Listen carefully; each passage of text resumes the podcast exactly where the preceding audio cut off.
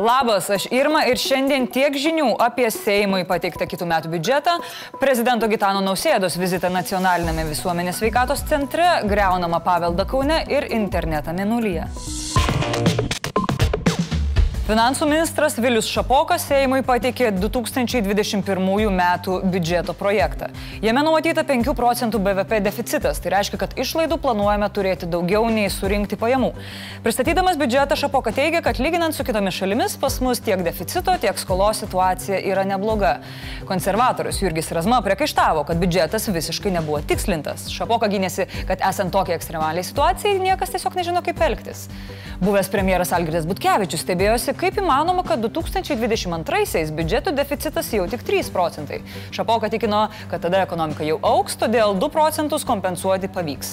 Ingrida Šimonytė nustebino valdančiųjų noras mažinti išlaidas, tačiau reikšmingai auginti valdžios sektoriaus vartojimą.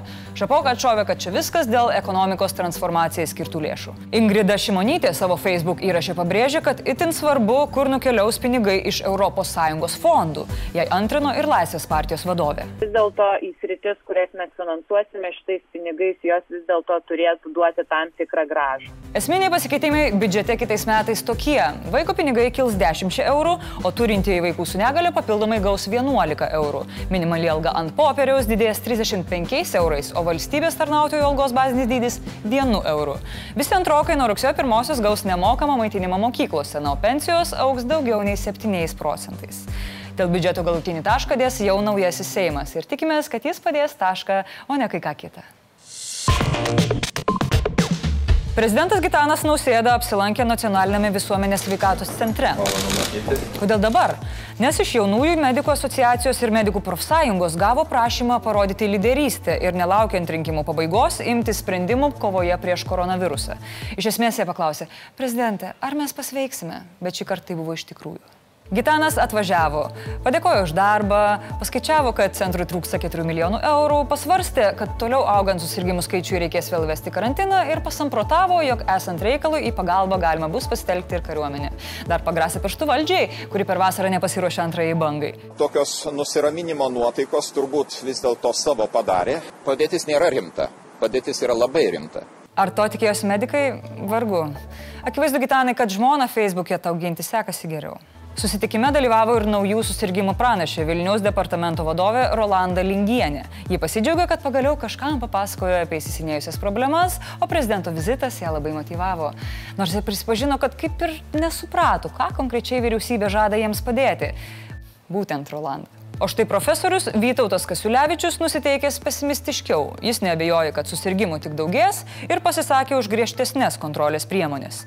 Šiuo metu kasdien stabiliai turime daugiau kaip 200 naujų susirgymų, daugėja mirčių. Liga ir toliau plinta įvairiose gydymo ir ūkdymo įstaigose. Vis daugiau susirgymo aplinkybių nustatyti nepavyksta. Kauno Žaliakalnio rajone vyksta įtempta drama. Perkūno alėjoje stovėjusi Art Deco stiliaus vila per kelias dienas tapo grįvėsiais. Prieš beveik šimtmetį architekto Aleksandro Gordevičiaus projektuotą pastatą, priklausiusi knygnešiui, nepriklausomybės kovų dalyviui Petrui Ruseckui, nugriauti nusprendė jį įsigijęs verslininkas.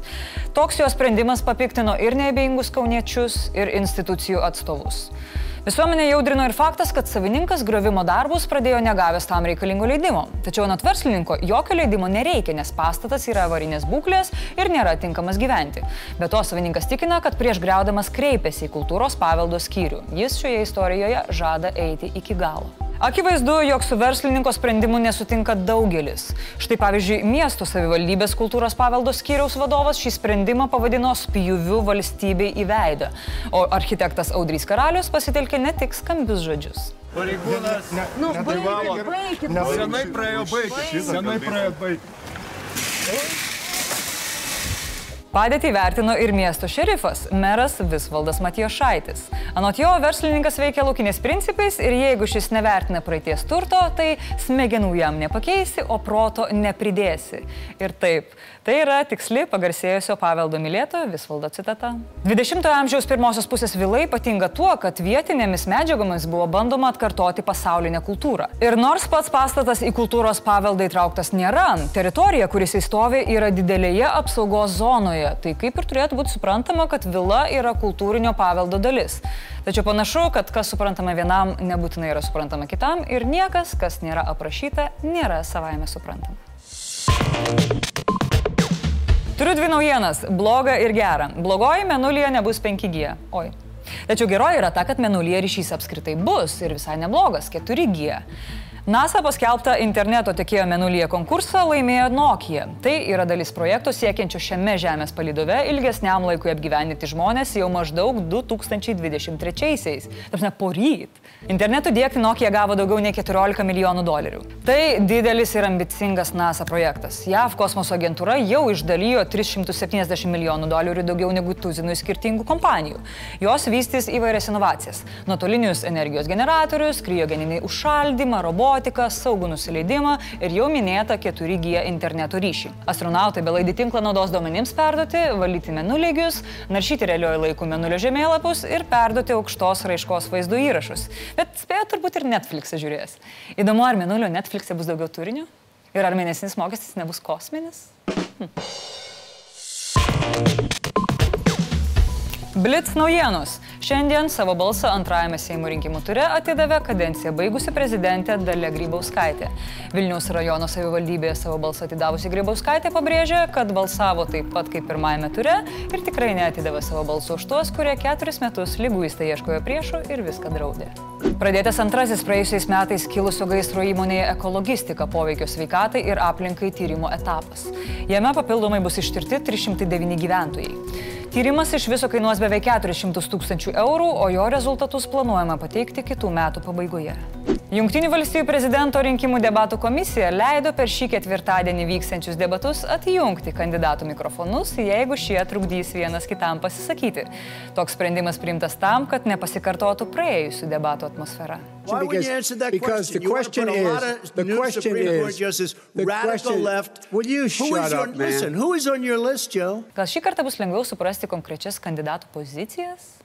Airija tapo pirmąją šalimi ES, kurioje bus įvestas visuotinis karantinas. Nuo rytojus vakaro iki pat gruodžio pirmosios šalyje galios griežčiausi apribojimai. Uždaromos viešojo maitinimo įstaigos, maistą galima užsisakyti tik įsinešimui, o nutolti nuo namų bus galima tik per 5 km. Todėl keliuose bus daugiau policijos patikrų. Šalies premjero teigimu, jei visi laikysis šių taisyklių, kalėdas bus galima švęsti kaip įprasta.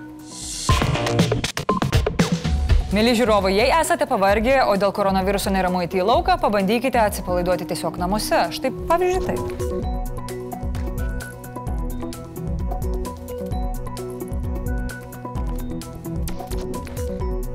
Ačiū, kad žiūrite, įsijunkite žinias ir rytoj, o šiandien tiek žinių.